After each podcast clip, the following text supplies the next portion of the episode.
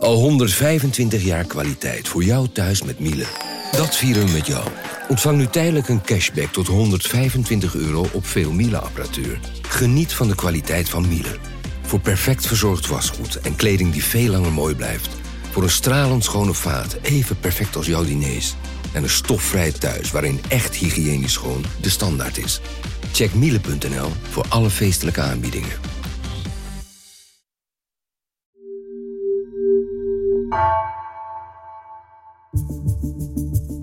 Vanaf de redactie van NRC het verhaal van vandaag.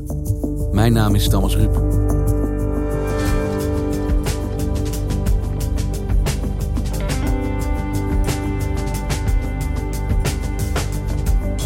Ze moesten en zouden doorgaan. De Olympische Spelen in Tokio, die vandaag beginnen. De Japanse bevolking is tegen, de besmettingen onder sporters lopen op en publiek is er niet. Maar toch was afblazen geen optie, zegt verslaggever Dennis Boxhoorn. Maar wat zegt dat over dit ooit zo prestigieuze sportevenement?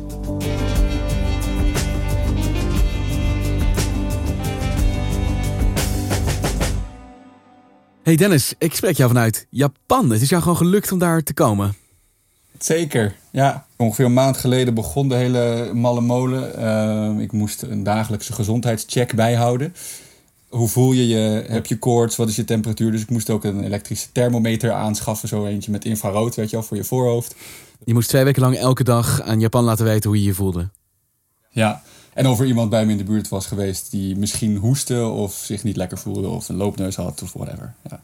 Ik had uh, een PCR-test nodig en niet één, zoals gebruikelijk is, maar, maar twee. Binnen 72 uur voor vertrek. Er was ook wel weer stress, want uh, ja, ik ben ook dubbel gevaccineerd. Maar het had zomaar gekund dat ik dan alsnog een positieve test had afgeleverd en dat ik dan niet naar Japan kon. De Japanse autoriteiten vroegen ook om een activity plan. Dat behelste dus dat ik gedurende de eerste twee weken van mijn verblijf in Japan heel minutieus en heel precies aan moest geven uh, wanneer ik waar zou zijn. En dat is goedgekeurd uiteindelijk, dus de dag voor vertrek. Ja. Dus jij bent de afgevaardigde, om het maar zo even zo te noemen, van NRC om verslag te doen van de Olympische Spelen die vandaag beginnen. Maar tot een dag van tevoren wist je niet of dat ook zou gaan lukken. Nee, een dag voor vertrek eigenlijk nog niet. En ik werd die ochtend pas gekleerd door de autoriteiten om het land binnen te komen. Dus je kunt je voorstellen dat ik tamelijk gestrest die kant op vloog. Vliegtijd naar Tokio 10 uur en 40 minuten. Dat betekent dat we dicht bij onze schema aankomst tijdens wachten te arriveren daar. Maar je bent er. Ik ben er, ik ben er. Ja, ongelooflijk. Ik kwam aan uh, samen met heel veel sporters in het vliegtuig gezeten, met uh, andere journalisten. En kreeg ik een buisje in mijn handen geduwd. Plastic buisje, moest ik in spugen. Uh, en dat werd ter plekke getest. Wel grappig. Ik werd in een hokje geleid en daar hadden ze een foto opgehangen met een foto van een citroen en van een ander Japans zuurding. In geval je een droge mond had. Toen stond eronder Imagine. Nee, zodat je gaat saliveren van het zien van een afbeelding ja, ja, van een citroen. Ja. De hele procedure in totaal uh, om door de douane te komen ongeveer vijf uur. Uiteindelijk was ik uh, negatief, kreeg ik mijn accreditatie omgehangen en uh, daar in een taxi geladen alleen. En die bracht me naar mijn hotel, want ik mocht met niemand in aanraking komen verder. Nou ja, toen begon mijn quarantaine. Uh, drie dagen in opsluiting op een hotelkamer. En dat niet alleen in de lobby van het hotel was er ook een bewaker die me elke dag in de gaten hield. Ik mocht wel naar buiten voor een boodschap een kwartiertje mocht dat duren. En ook uh, op mijn hotelkamer moest ik nog elke dag, de eerste drie dagen, uh, spugen in een buisje. En dat buisje moest ik dan vervolgens in een papiertje rollen. Dat papiertje met dat buisje moest ik in een plastic zakje doen. Dat zakje dicht doen en aan een meneer afgeven die dat kwam halen. Oké, okay, thank you. Good luck. Maar daar ben je ook doorheen en nu ben je dan eindelijk vrij om te gaan en staan waar je wil.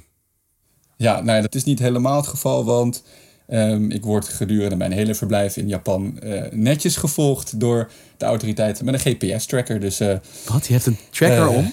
Ja, nou ja, die zit in mijn telefoon, dus ik moest een app downloaden. En daarmee volgen de autoriteiten mijn gangen in Japan.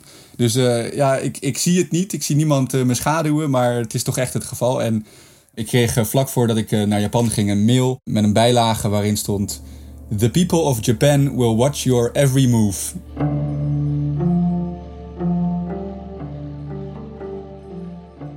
Want Dennis is natuurlijk een gigantisch sportevenement. Het is coronatijd, maar ja, de maatregelen die je noemt klinken ook wel behoorlijk extreem. Hoe gaat het daar dan in Japan? Ja, er geldt de noodtoestand. Dus uh, van 8 juli tot 23 augustus uh, is het state of emergency in, in Tokio. En dat betekent dat er een flinke calamiteit is en, en dat ik dus geen kant op kan. En de mensen in Japan uh, ook beperkt zijn in hun gangen. Want hoe gaat het dan met de besmettingen op dit moment daar? niet goed. 1100 nieuwe besmettingen per dag, zo'n beetje. Dus het, is, het zijn geen Nederlandse tafereelen. Maar het stijgt wel heel hard. Dus met 155% las ik laatst. Dus Delta-variant is ook hier aangekomen. En er zijn ook besmettingen gelieerd aan de Olympische Spelen. Dus medewerkers, stafleden en ook al sporters, uh, positieve sporters in het Olympisch dorp. En dat is echt iets wat ze vooraf niet wilden. Uh, waar ze al die maatregelen voor hebben genomen en wat dus niet waterdicht is gebleken. The games haven't even started yet and COVID is already proving to be a problem in Tokyo. An alternate for the USA women's gymnastics team tested positive for the virus. And she's not the only one. COVID cases among athletes are on the rise. Team USA took another hit after beach volleyball player Tyler Krabs contracted the virus, as did Dutch skateboarder Candy Jacobs. Other events like gymnastics tennis en soccer all impacted by teammates testing positive. Want als ik van jou hoor hoe ingewikkeld het nu al is en dat er al de eerste besmettingen plaatsvinden daar bij dit gigantische evenement, vraag je toch wel een klein beetje af: had dit wel door moeten gaan daar? Ja, en de Japanners zien dat ook helemaal niet zitten. Dus uh, uit de laatste peilingen blijkt dat 55% nu nog altijd wil dat ze worden afgelast. Dus uh, ze zien het echt niet zitten, de lokale bevolking. Maar vrij recent heeft de hoofd van de Wereldgezondheidsorganisatie, meneer Tedros uit Ethiopië, gezegd: ze moeten doorgaan, de Spelen. De fakkel, de Olympische fakkel, kan als, als baken van hoop fungeren in, in deze moeilijke tijden. Dus als hij dat zegt, ja, dan lijkt het me heel sterk dat ze naar de Japanse bevolking gaan luisteren. Um, en dan gaan ze gewoon door. Want waarom moet dat kosten dat kost dit jaar doorgaan? Ja, er staat uh, ontzettend veel geld op het spel. Er zijn on ontzettend veel kosten gemaakt. Dus het, is zijn hallucinante bedragen. De schattingen lopen uiteen van 13 tot 30 miljard dollar aan investeringen om dit toernooi uh, van de grond te krijgen. Door het uitstel zijn die kosten alleen maar verder toegenomen, met 3 miljard in een jaar. Um, er is te veel geld in geïnvesteerd en dat moet worden terugverdiend de Japanner, de belastingbetaler, heeft betaald voor dit evenement. Er is geen weg terug. Want hoe denken ze dat überhaupt terug te kunnen verdienen, zo'n bedrag in deze tijd? Zonder, nou ja, maar iets te noemen, massaal publiek. Het verdienmodel zit hem in uh, de tv-rechten die ze hebben uh, verkocht voor miljarden aan grote bedrijven uit Amerika, Engeland, uh, aan sponsorinkomsten daar hoopt het IOC en de organisatie hoopt daar geld aan terug te verdienen. Ja. Uh, er is een enorme injectie gedaan uh, aan publiek geld. Dus, dus dit moet doorgaan. Er moet wat uitgezonden worden. Want nou ja, anders dan, uh, dan gaat de stad, de stad bankroet. Want wiens portemonnee is hiermee gemoeid? Wie zijn het bij elkaar die al dit geld ophoesten? Je hebt het organisatiecomité van de stad Tokio in dit geval. Um, maar zij zijn niet de eigenaar van de Spelen. Dat is het IOC, het Internationaal Olympisch Comité. Zij zijn eigenaar van de Spelen. Uh, hun, hun zakken worden in feite gevuld. Zij compenseren het organisatiecomité met een bedrag per, per Spelen. Maar ja, zij incasseren ook het meeste geld. Het IOC bepaalt hoeveel ze en of ze überhaupt geld terugstorten aan het organisatiecomité. Dus het IOC verdeelt en heerst. Dus Tokio betaalt, de inkomsten zijn voor het IOC, maar het is helemaal onduidelijk wat het IOC ook daadwerkelijk teruggeeft aan Tokio. Dat kan nog steeds zijn dat die enorm verlies maken, terwijl het IOC winst maakt met zo'n Olympische Spelen. Sterker nog, uh, de organisatie van de Olympische Spelen maakt al jaren verlies. Uh, Harvard heeft wel eens uitgerekend dat sinds 1960 elke speler gemiddeld 156% meer geld kwijt is dan dat het uh, begroot had. Dus elke stad loopt erop leeg. Maar dat klinkt toch wel als een probleem. Dan neem je een enorm financieel risico als jij zegt: prima, organiseer ze maar bij ons. Ja, en het ding is, Tokio betaalt in de hoop dat ze natuurlijk met enorm aantrekken van toerisme in de loop der jaren, doordat ze zichzelf op de kaart zetten, dat ze daarmee geld gaan. Dat, dat, dat is het idee. Dus het IOC verkoopt het evenement en een stad koopt eigenlijk aandacht en dat geld komt wel terug in de loop der jaren. Maar dat blijkt helemaal niet zo te zijn. De kosten zijn gewoon veel te hoog. Want hoe was dat dan bijvoorbeeld bij de afgelopen Olympische Spelen? Rio de Janeiro heeft uit mijn hoofd miljoenen verlies gedraaid. En zo'n beetje alle stadions die daar zijn aangelegd, hè, ter waarde van miljoenen, die zijn totaal in verval geraakt. Bovendien uh, zijn er ook nog eens 70.000 mensen van hun uh, woning beroofd. Om het mogelijk te maken dat die stadions werden gebouwd. Want ik vraag me bijna af waarom je als stad nog een Olympische Spelen zou willen organiseren. Als het je eigenlijk alleen maar geld kost? Ja, het blijkt ook steeds lastiger te worden voor het IOC om een, uh, om een gaststad te vinden, om een host te vinden.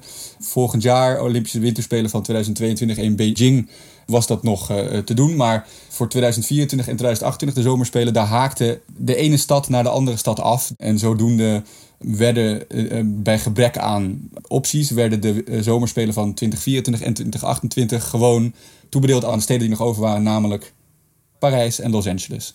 Dus in plaats van dat het een gevecht is om de Olympische Spelen aan jou te krijgen, gaan ze nu gewoon naar het handjevol dat nog steeds zegt: oké, hier mag het wel. Ja, en dat zegt echt alles. Dus duidelijk is, en zeker nu door die coronacrisis, doordat Tokio zich zo in de schulden steekt, dit verdienmodel werkt gewoon niet voor de organisatie. Wel voor het IOC. Die hebben een, eh, een reservepot van 900 miljoen dollar. Eh, maar niet voor de organisatie. Dus is het echt schrapen en zoeken naar steden die het alsjeblieft nog willen doen.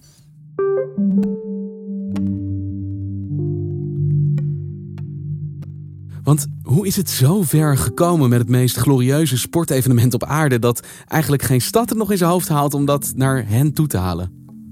Nou ja, de moderne spelen zijn sinds 1896 uh, eh, georganiseerd. Er uh, was een Fransman, Pierre de Coubertin, die was een idealist en die wilde graag sport organiseren, verbroedering, dat soort zaken.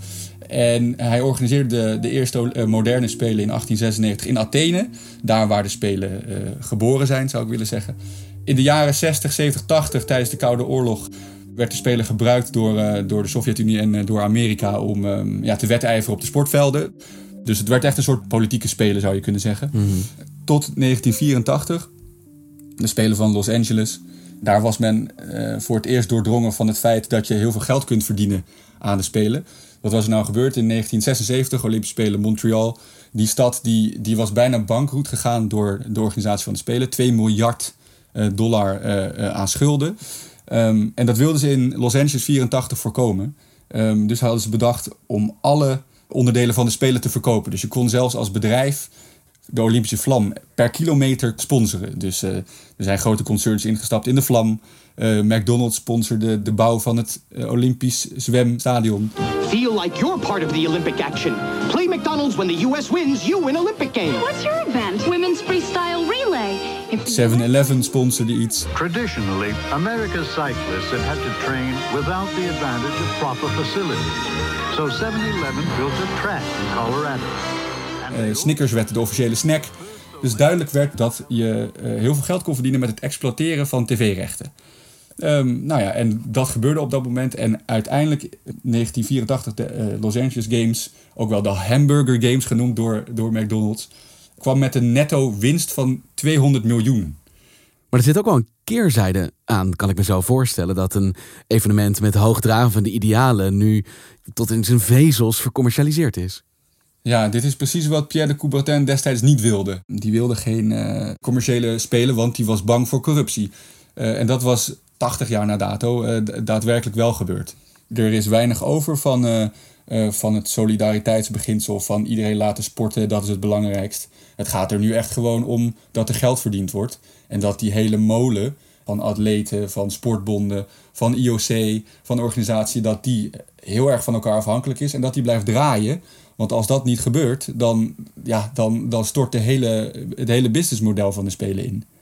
En geld dat verdiend moet worden voor het IOC, terwijl de stad die het organiseert dus mogelijk, zeg jij, failliet kan gaan als hij niet oppast. Nee, klopt.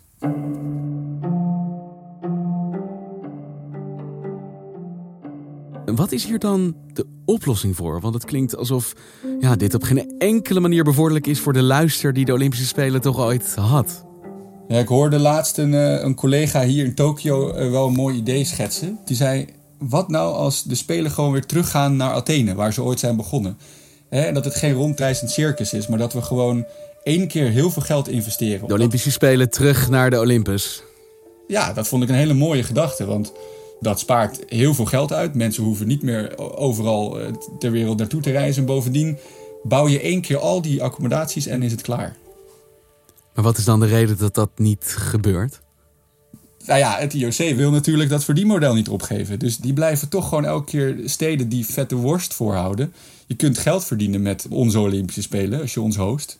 Ehm, ja, en, en die steden blijven daar tot nog toe steeds intrappen.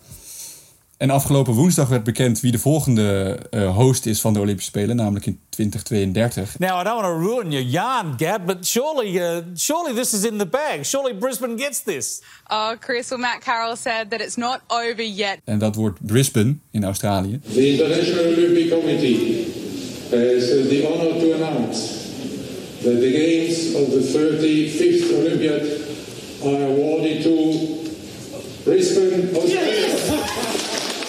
Zij hadden geen tegenstanders, geen andere steden die ook meedingden.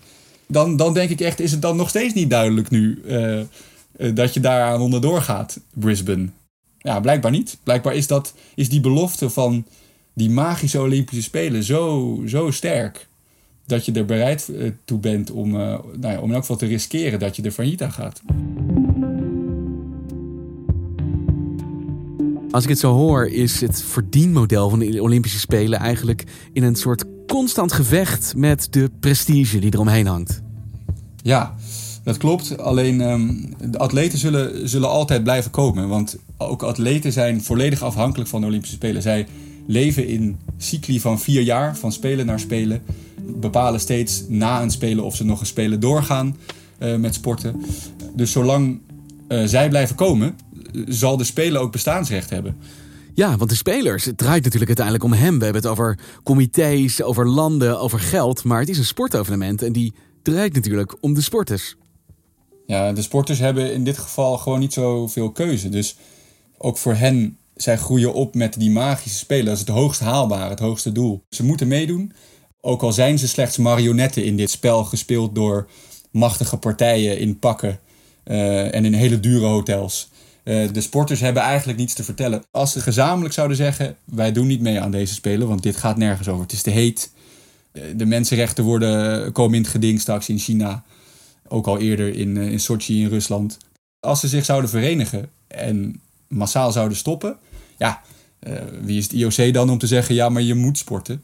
Want zijn zij blij dat het evenement dit jaar doorgaat? Of omdat het doorgaat, worden ze ook op een bepaalde manier gedwongen te presteren onder omstandigheden die voor hen ook verre van ideaal zijn? Je zult zo vlak voor het begin van de Spelen of tijdens de Spelen echt geen atleet horen die zegt: Ik vind dit eigenlijk belachelijk wat hier gebeurt, want ja, uh, ze moeten wel. En na afloop uh, is het anders. Nu gaan ze weldra aan hun, uh, aan hun wedstrijd beginnen waar ze vier, eigenlijk vijf jaar naartoe hebben gewerkt. Ja, je gaat ze nu geen onvertogen woord horen zeggen een prestatie waar ze vijf jaar naartoe hebben gewerkt, maar zonder publiek. Zonder publiek, ja. Dus uh, ik was toevallig woensdag bij een uh, softbalwedstrijd tussen uh, Japan en Australië. En dat was dus de allereerste wedstrijd van deze Spelen. En die werd gehouden zonder publiek. En dat, ja, dat, was, dat was echt heel raar. Dus je zag wel de grandeur van de Olympische Spelen, de, de Olympische ringen, het stadion dat helemaal gebouwd was voor 30.000 mensen. Hm. En lege kuipstoeltjes. Dus geen geluid, geen publiek. Ze hadden filmpjes opgenomen op een groot scherm uh, met juichende mensen. Dat was eigenlijk wat er van de Spelen over was gebleven.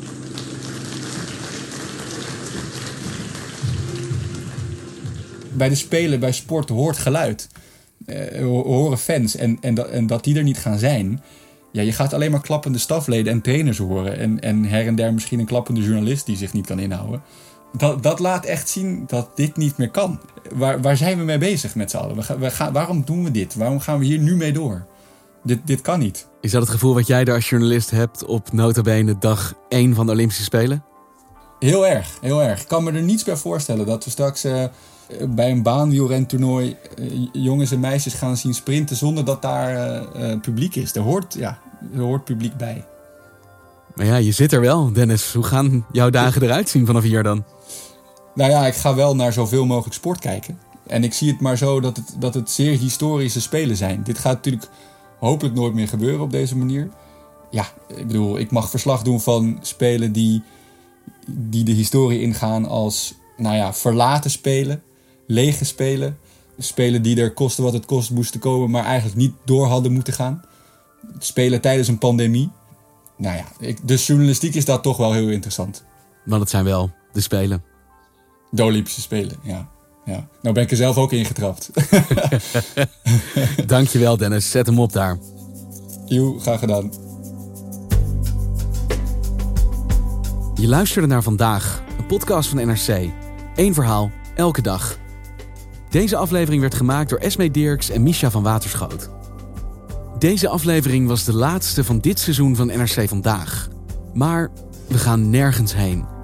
Deze zomer maken we vier bijzondere series die de diepte innemen van onderwerpen als doping, het koloniale verleden en de geopolitiek van China. Maar we beginnen komende week met Follow Up, een miniserie waarin we vier spraakmakende afleveringen uit het verleden een vervolg geven. Maandag, deel 1 toen het artikel uitkwam, nou, toen wisten mensen niet hoe snel ze hun handen van Anderweg moesten aftrekken. Dus nee, hij is uit de collectie en uh, we gaan helemaal niks meer van hem uh, verkopen of uh, tentoonstellen. Dus ja, hij is, hij is wel uitgekotst, heel snel. Dit was vandaag, maandag, gewoon weer.